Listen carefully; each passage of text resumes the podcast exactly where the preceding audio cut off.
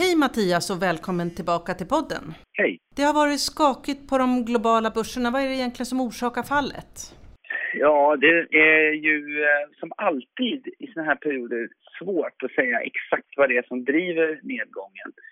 Det beror nästan lite grann på vilken utgångspunkt man har och hur man ser på världen. Jag tror personligen att det är räntan och uppgången av den långa räntan som är den viktigaste grejen. Men vi har ju tusen andra kandidater med Brexit och handelskriget och alltihopa som bidrar till, till eh, skedet också.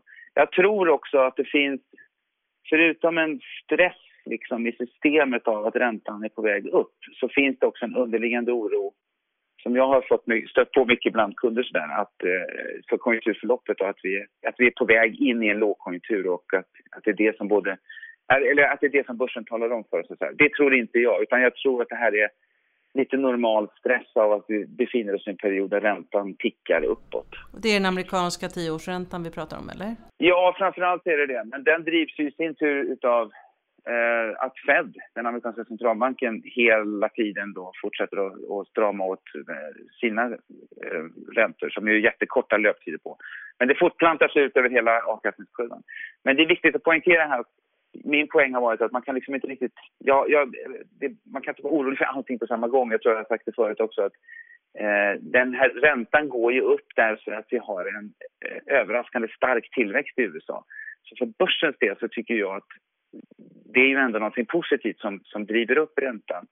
Och tittar man historiskt så brukar det ta ganska lång tid innan de högre räntorna börjar verka negativt på börsen. Så det finns så ingen att, anledning att ja. dra sig ur den amerikanska marknaden som investerare? Ja, men det är en annan femma sen, just specifikt den amerikanska marknaden. För den har ju gått ohyggligt bra i år jämfört med alla andra marknader. Och det som, det, sen är det dessutom så att det är en väldigt spetsig uppgång i USA. Det är ju i princip bara ett halvdussin amerikanska techaktier som har drivit upp. Så där var det nog ganska moget för en korrigering. Och vi är ju sen, det har ju vi pratat om tidigare i podden här, sen början på september, eh, underviktade i USA och överviktade i Europa. Så just specifikt amerikanska aktier ska man nog vara lite försiktig med. Är det några speciella sektorer som du ser är extra känsliga för, i en sån här nedgång? Nej, det vet jag inte för nedgången i sig. Men om man tittar på USA till att börja med så är det uppenbart att om det är så att, det är, att räntan, den högre räntan som oroar folk så är ju techaktier återigen då eh, extra känsliga. Och det beror ju på att eh, de för det första har gått så himla bra. Och sen om man tänker sig aktier av typen Netflix eller sådär aktie, bolag som inte tjänar så mycket pengar nu utan där vi köper och säljer aktien eller vi köper aktien för att vi har stora förhoppningar om framtida flöden.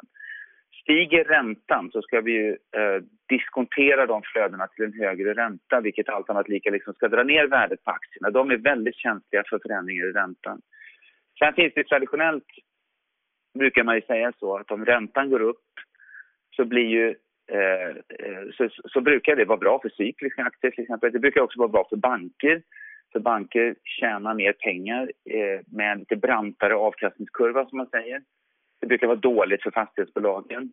Det brukar eh, också vara dåligt för det som vi kallar för defensiva aktier. Alltså sådana aktier som liknar obligationer. Telekomoperatörer, kraftbolag och liknande brukar man säga. Läkemedel också brukar man räkna in i det. Men hur ska man nu tänka som investerare här i Sverige? För vi har ju fortsatt minusränta, vi har en god finansiell status i Sverige. Eh, ska man fortsätta satsa på börsen? Ja, det tycker vi ju. Alltså, det, det, det, är ju en kliché det där att prata om att man ska sitta still i båten och sådär. Men jag, jag här, man får fråga så här, är det här liksom den stora eh, sättningen inför en recession? Och det tror jag inte att det är, utan jag tror att det här är en korrigering i en fortfarande ganska stark marknad. Eh, så vi tycker att man ska ha övervikt av aktier. Vi tycker att man ska titta på verkstadsbolagen. Det har inte varit bra de senaste två veckorna. Det funkade bra i två veckor här i början på september. Sen har det gått, funkat mindre bra. Men eh, för jag tror fortfarande att de, ser, de är relativt lågt värderade. Eh, estimaten, vinstestimaten är, har varit stabila eller till och med på väg upp. De gynnas av den svaga kronan. Och jag tror inte att det är en recession. Eller jag tror att, en, jag tror att diskussionen om en recession är för tidig. Så mest attraktivt just nu tycker vi att eh, de här cykliska bolagen är verkstad råvarubolagen i, i, i Norden och i Sverige.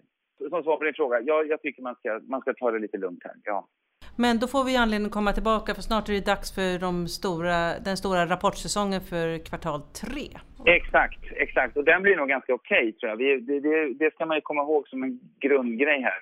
Det är en stark konjunkturcykel och det är en stark vinstcykel. Vi, vi kommer att få väldigt bra vinsttillväxt i år och nästa år. Och det är faktiskt någonting som man kan luta sig mot eh, när man ska försöka hitta någonting, liksom hålla sig i här när det är som stökigast. Men, men förhoppningsvis, förhoppningsvis blir det så nu att rapportperioden kommer att ta, ta över handen lite grann när den börjar. Då kommer du tillbaka och berätta lite mer. Ja. Yes. Då hörs vi. Hej hej! Yes, tack hej!